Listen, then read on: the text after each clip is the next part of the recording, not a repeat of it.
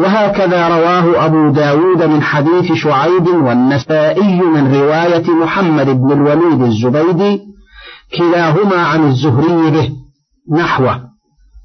ولكن الاحتياط هو الإرشاد لما رواه الإمامان الحافظ أبو بكر بن مردويه والحاكم في مستدركه من رواية معاذ بن معاذ العنبري عن شعبة عن فراس عن الشعبي عن أبي بردة عن أبي موسى عن النبي صلى الله عليه وسلم قال ثلاثة يدعون الله فلا يستجاب لهم رجل له امرأة سيئة الخلق فلم يطلقها.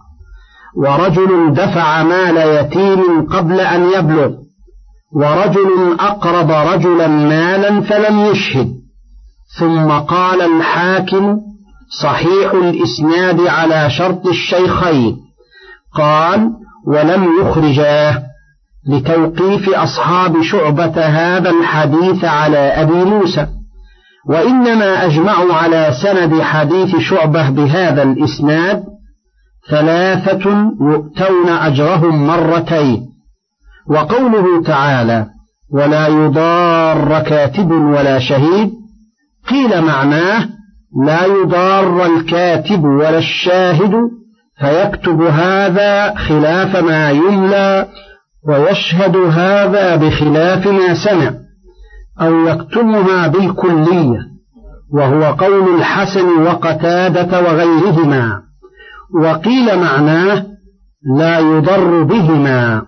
قال ابن أبي حاتم حدثنا أسيد بن عاصم حدثنا الحسين يعني ابن حفص حدثنا سفيان عن يزيد بن أبي زياد عن مقسم عن ابن عباس في هذه الآية ولا يضار كاتب ولا شهيد قال يأتي الرجل فيدعوهما إلى الكتاب والشهادة فيقولان إنا على حاجة فيقول إنكما قد أمرتما أن تجيبا. فليس له أن يضارهما.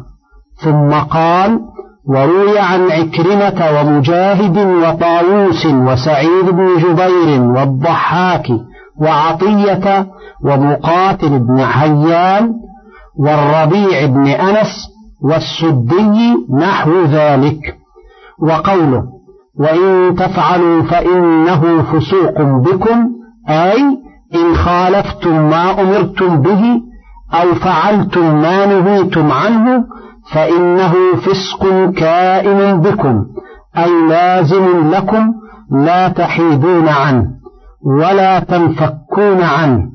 وقوله واتقوا الله أي خافوه وراقبوه واتبعوا أمره واتركوا زجره ويعلمكم الله كقوله يا أيها الذين آمنوا إن تتقوا الله يجعل لكم فرقانا وكقوله يا أيها الذين آمنوا اتقوا الله وآمنوا برسوله يؤتكم كفلين من رحمته ويجعل لكم نورا تمشون به وقوله والله بكل شيء عليم أي هو عالم بحقائق الأمور ومصالحها وعواقبها فلا يخفى عليه شيء من الأشياء بل علمه محيط بجميع الكائنات. وإن كنتم على سفر ولم تجدوا كاتبا فرهان مقبوضة. فإن أمن بعضكم بعضا فليؤد الذي اؤتمن أمانته وليتق الله ربه. ولا تكتموا الشهادة ومن يكتمها فإنه آثم قلبه. والله بما تعملون عليم. يقول تعالى وإن كنتم على سفر أي مسافرين وتداينتم إلى أجل مسمى ولم تجدوا كاتبا يكتب لكم قال ابن عباس أو وجدوه ولم يجدوا قرطاسا أو دواتا أو قلما فرهان مقبوضة أي فليكن بدل الكتابة رهان مقبوضة أي في يد صاحب الحق. وقد استدل بقوله فرهان مقبوضة على أن الرهن لا يلزم إلا بالقبض كما هو مذهب الشافعي والجمهور. واستدل بها آخرون على أنه لا بد أن يكون الرهن مقبوضا في يد المرتهن. وهو رواية عن الإمام أحمد وذهب إليه طائفة واستدل آخرون من السلف بهذه الآية على أنه لا يكون الرهن مشروعا إلا في السفر. قاله مجاهد وغيره وقد ثبت في الصحيحين عن أنس أن رسول الله صلى الله عليه وسلم توفي ودرعه مرهونة عند يهودي على ثلاثين وسقا من شعير رهنها قوتا لأهله. وفي رواية من يهود المدينة وفي رواية الشافعي عند أبي الشحم اليهودي. وتقرير هذه المسائل في كتاب الأحكام الكبير ولله الحمد والمنة وبه المستعان. وقوله فإن أمن بعضكم بعضا فليؤدي الذي ائتمن أمانته. روى ابن أبي حاتم بإسناد جيد عن أبي سعيد الخدري أنه قال هذه نسخت ما قبلها وقال الشعبي إذا ائتمن بعضكم بعضا فلا بأس ألا تكتبوا أو لا تشهدوا وقوله وليتق الله ربه يعني المؤتمن كما جاء في الحديث الذي رواه الإمام أحمد وأهل السنن من رواية قتادة عن الحسن عن سمرة أن رسول الله صلى الله عليه وسلم قال على اليد ما أخذت حتى تؤديه وقوله ولا تكتبوا الشهادة أي لا تخفوها وتغلوها ولا تظهروها قال ابن عباس وغيره شهادة الزور من أكبر الكبائر وكتمانها كذلك. ولهذا قال ومن يكتمها فإنه آثم قلبه. قال السدي يعني فاجر قلبه. وهذه كقوله تعالى ولا نكتم شهادة الله إنا إذا لمن الآثمين. وقال تعالى يا أيها الذين آمنوا كونوا قوامين بالقسط شهداء لله ولو على أنفسكم أو الوالدين والأقربين إن يكن غنيا أو فقيرا فالله أولى بهما فلا تتبعوا الهوى أن تعدلوا وإن تلووا أو تعرضوا فإن الله كان بما تعملون خبيرا. وهكذا قالها هنا ولا تكتموا الشهادة ومن يكتمها فإنه آثم قلبه. والله بما تعملون عليم. لله ما في السماوات وما في الأرض. وإن تبدوا ما في أنفسكم أو تخفوه يحاسبكم به الله. فيغفر لمن يشاء ويعذب من يشاء. والله على كل شيء قدير. يخبر تعالى أن له ملك السماوات والأرض وما فيهن وما بينهن وأنه المطلع على ما فيهن لا تخفى عليه الظواهر ولا السرائر والضمائر وإن دقت وخفيت. وأخبر أنه سيحاسب عباده على ما فعلوه وما أخفوه في صدورهم كما قال تعالى قل إن تخفوا ما في صدوركم أو تبدوه يعلمه الله ويعلم ما في السماوات وما في الأرض والله على كل شيء قدير وقال يعلم السر وأخفى والآيات في ذلك كثيرة جدا وقد أخبر في هذه بمزيد على العلم وهو المحاسبة على ذلك ولهذا لما نزلت هذه الآية اشتد ذلك على الصحابة رضي الله عنهم وخافوا منها ومن محاسبة الله لهم على جليل الأعمال وحقيرها وهذا من شدة إيمانهم وإيقانهم. قال الإمام أحمد حدثنا عفان حدثنا عبد الرحمن ابن إبراهيم حدثني أبو عبد الرحمن يعني العلاء عن أبيه عن أبي هريرة قال لما نزلت على رسول الله صلى الله عليه وسلم لله ما في السماوات وما في الأرض وإن تبدوا ما في أنفسكم أو تخفوه يحاسبكم به الله فيغفر لمن يشاء ويعذب من يشاء والله على كل شيء قدير. اشتد ذلك على أصحاب رسول الله صلى الله عليه وسلم. فأتوا رسول الله صلى الله عليه وسلم ثم جثوا على الركب وقالوا يا رسول الله كلفنا من الأعمال ما نطيق الصلاة والصيام والجهاد والصدقة وقد أنزلت عليك هذه الآية ولا نطيقها. فقال رسول الله صلى الله عليه وسلم أتريدون أن تقولوا كما قال أهل الكتابين من قبلكم سمعنا وعصينا؟ بل قولوا سمعنا وأطعنا غفرانك ربنا وإليك المصير. فلما أقر بها القوم وذلت بها ألسنتهم أنزل الله في أثرها آمن الرسول بما أنزل إليه من ربه والمؤمنون كل آمن بالله وملائكته وكتبه ورسله لا نفرق بين أحد من رسله وقالوا سمعنا وأطعنا غفرانك ربنا وإليك المصير. فلما فعلوا ذلك نسخها الله فأنزل الله لا يكلف الله نفسا إلا وسعها لها ما كسبت وعليها ما اكتسبت. ربنا لا تؤاخذنا إن نسينا أو أخطأنا إلى آخره. ورواه مسلم متفردا به من حديث يزيد بن زريع عن روح بن القاسم عن العلاء عن أبيه عن أبي هريرة فذكر مثله ولفظه. فلما فعلوا ذلك نسخها الله فأنزل الله لا يكلف الله نفسا إلا وسعها لها ما كسبت وعليها ما اكتسبت. ربنا لا تؤاخذنا إن نسينا أو أخطأنا. قال نعم.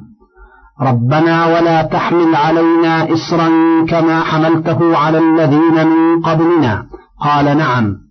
ربنا ولا تحملنا ما لا طاقة لنا به. قال نعم. واعف عنا واغفر لنا وارحمنا أنت مولانا فانصرنا على القوم الكافرين. قال نعم. حديث ابن عباس في ذلك. قال الإمام أحمد حدثنا وكيع حدثنا سفيان عن آدم بن سليمان سمعت سعيد بن جبير عن ابن عباس قال لما نزلت هذه الآية وإن تبدوا ما في أنفسكم أو تخفوه يحاسبكم به الله قال دخل قلوبهم منها شيء لم يدخل قلوبهم من شيء. قال فقال رسول الله صلى الله عليه وسلم قولوا سمعنا وأطعنا وسلمنا. فألقى الله الإيمان في قلوبهم فأنزل الله آمن الرسول بما أنزل إليه من ربه والمؤمنون.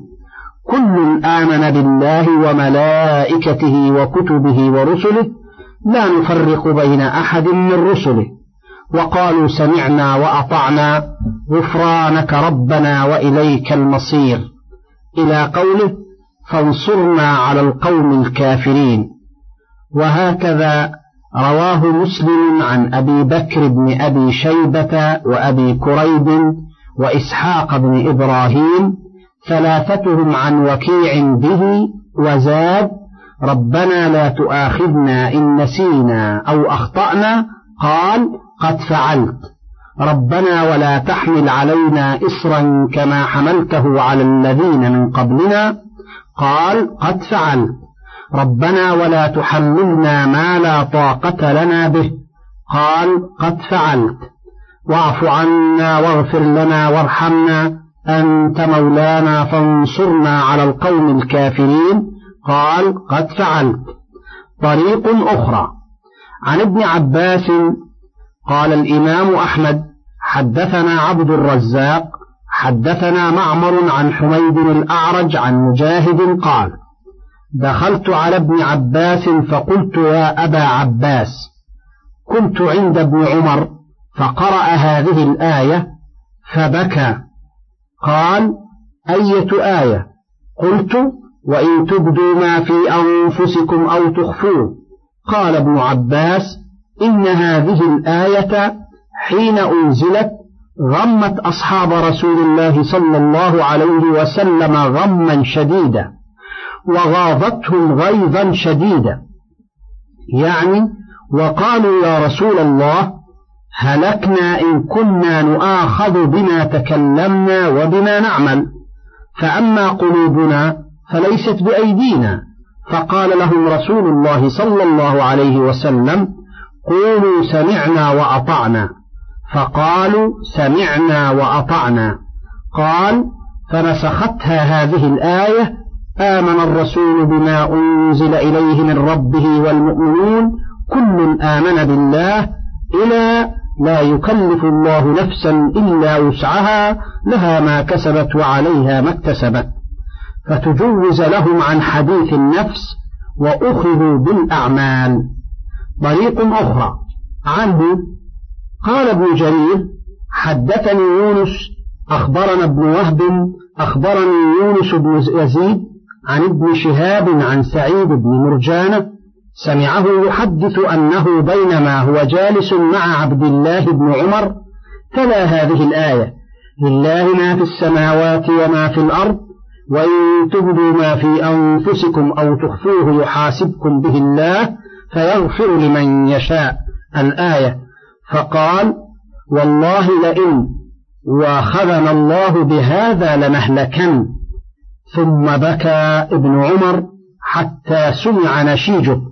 قال ابن مرجانة فقمت حتى أتيت ابن عباس فذكرت له ما قال ابن عمر وما فعل حين تلاها. فقال ابن عباس يغفر الله لأبي عبد الرحمن لعمري لقد وجد المسلمون منها حين أنزلت مثل ما وجد عبد الله بن عمر فأنزل الله بعدها لا يكلف الله نفسا إلا وسعها. إلى آخر السورة. قال ابن عباس فكانت هذه الوسوسة مما لا طاقة للمسلمين بها. وصار الأمر إلى أن قضى الله عز وجل أن للنفس ما كسبت وعليها ما اكتسبت في القول والفعل. طريق أخرى. قال ابن جرير حدثني المثنى حدثنا إسحاق حدثنا يزيد بن هارون عن سفيان بن حسين عن الزهري عن سالم أن أباه قرأ وإن تبدوا ما في أنفسكم أو تخفوه يحاسبكم به الله فدمعت عيناه فبلغ صنيعه ابن عباس فقال يرحم الله أبا عبد الرحمن لقد صنع كما صنع أصحاب رسول الله صلى الله عليه وسلم. حين أنزلت فنسختها الآية التي بعدها. لا يكلف الله نفسا إلا وسعها. فهذه طرق صحيحة عن ابن عباس. وقد ثبت عن ابن عمر كما ثبت عن ابن عباس. قال البخاري حدثنا إسحاق حدثنا روح حدثنا شعبة عن خالد الحذاء عن مروان الأصغر عن رجل من أصحاب النبي صلى الله عليه وسلم أحسبه ابن عمر. وإن تبدوا ما في أنفسكم أو تخفوه قال نسختها الآية التي بعدها. وهكذا روي عن علي وابن مسعود وكعب الأحبار والشعبي والنخعي ومحمد بن كعب القرظي وعكرمة وسعيد بن جبير وقتادة أنها منسوخة بالتي بعدها. وقد ثبت بما رواه الجماعة في كتبهم الستة من طريق قتادة عن زرارة بن أبي أوفى عن أبي هريرة قال قال رسول الله صلى الله عليه وسلم إن الله تجاوز لي عن أمتي ما حدثت به أنفسها ما لم تكلم أو تعمل. وفي الصحيحين من حديث سفيان بن عيينة عن أبي الزناد عن الأعرج عن أبي هريرة قال قال رسول الله صلى الله عليه وسلم قال الله إذا هم عبدي بسيئة فلا تكتبوها عليه فإن عملها فاكتبوها سيئة وإذا هم بحسنة فلم يعملها فاكتبوها حسنة فإن عملها فاكتبوها عشرا. لفظ مسلم. وهو في إفراده من طريق إسماعيل بن جعفر عن العلاء عن أبيه عن أبي هريرة عن رسول الله صلى الله عليه وسلم قال قال الله إذا هم عبدي بحسنة ولم يعملها كتبتها له حسنة فإن عملها كتبتها له عشر حسنات إلى سبعمائة ضعف وإذا هم بسيئة فلم يعملها لم أكتبها عليه فإن عملها كتبتها سيئة واحدة. وقال عبد الرزاق أخبرنا معمر عن همام بن منبه قال هذا ما حدثنا أبو هريرة عن محمد رسول الله صلى الله عليه وسلم قال قال الله إذا تحدث عبدي بأن يعمل حسنة فأنا أكتبها له حسنة ما لم يعمل. فإذا عملها فأنا أكتبها بعشر أمثالها وإذا تحدث بأن يعمل سيئة فأنا أغفرها له ما لم يعملها فإن عملها فأنا أكتبها له بمثلها. وقال رسول الله صلى الله عليه وسلم قالت الملائكة رب وذاك أن عبدك يريد أن يعمل سيئة وهو أبصر به فقال ارقبوه.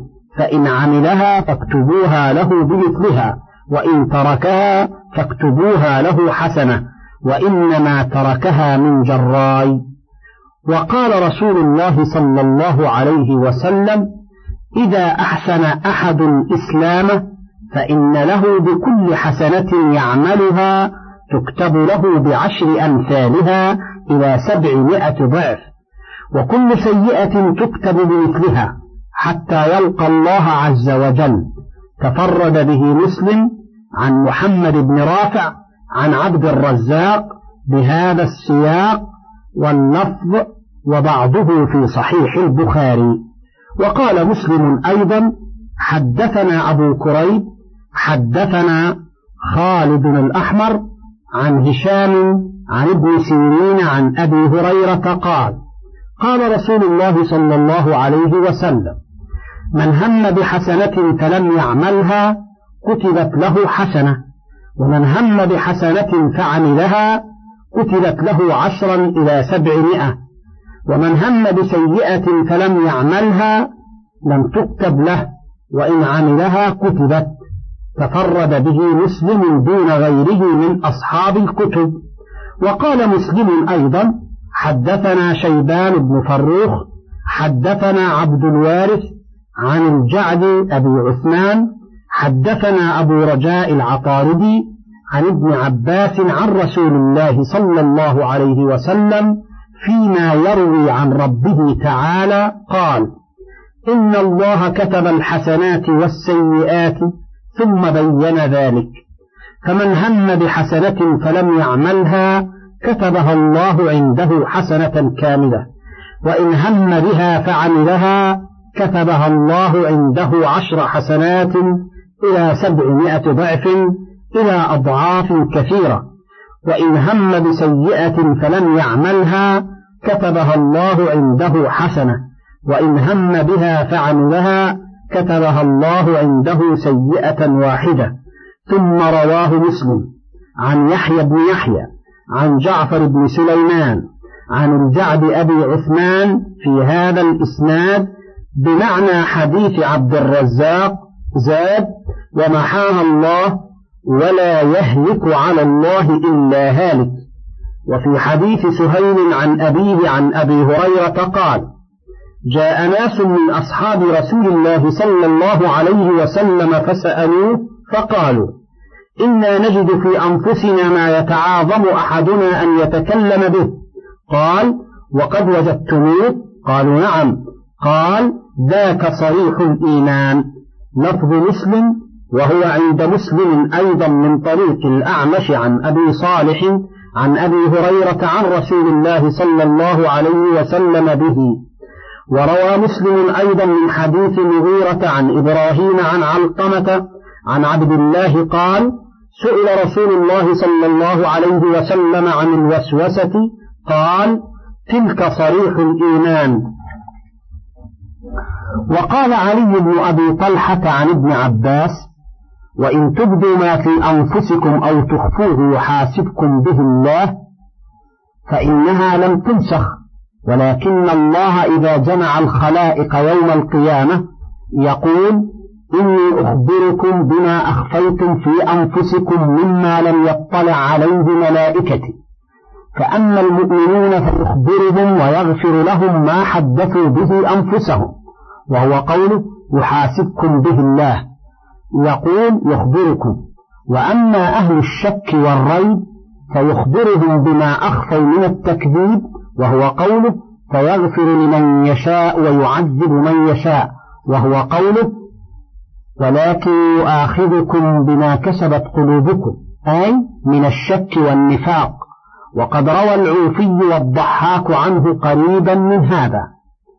وروى ابن جرير عن مجاهد والضحاك نحوه وعن الحسن البصري أنه قال هي محكمة لم تنسخ واختار ابن جرير ذلك واحتج على أنه لا يلزم من المحاسبة المعاقبة وأنه تعالى قد يحاسب ويغفر وقد يحاسب ويعاقب بالحديث الذي رواه عند هذه الآية قائلا حدثنا ابن بشار حدثنا ابن أبي عدي عن سعيد بن هشام حدثنا وحدثني يعقوب بن إبراهيم حدثنا ابن علية حدثنا ابن هشام قال جميعا في حديثهما عن قتادة عن صفوان بن محرز قال بينما نحن نطوف بالبيت مع عبد الله بن عمر وهو يطوف إذا عرض له رجل فقال يا ابن عمر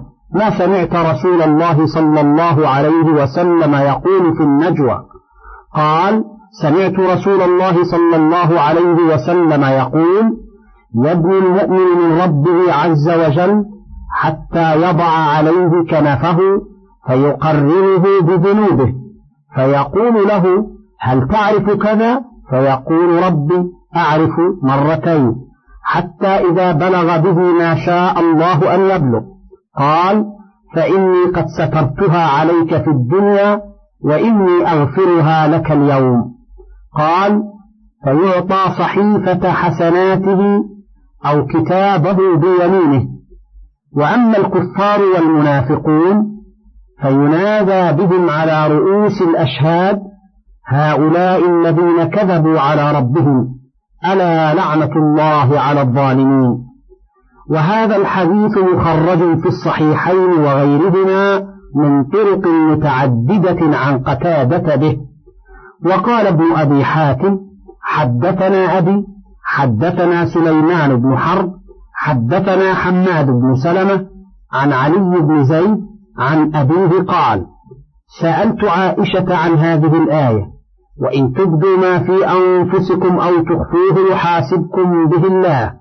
فقالت ما سألني عنها أحد منذ سألت رسول الله صلى الله عليه وسلم عنها.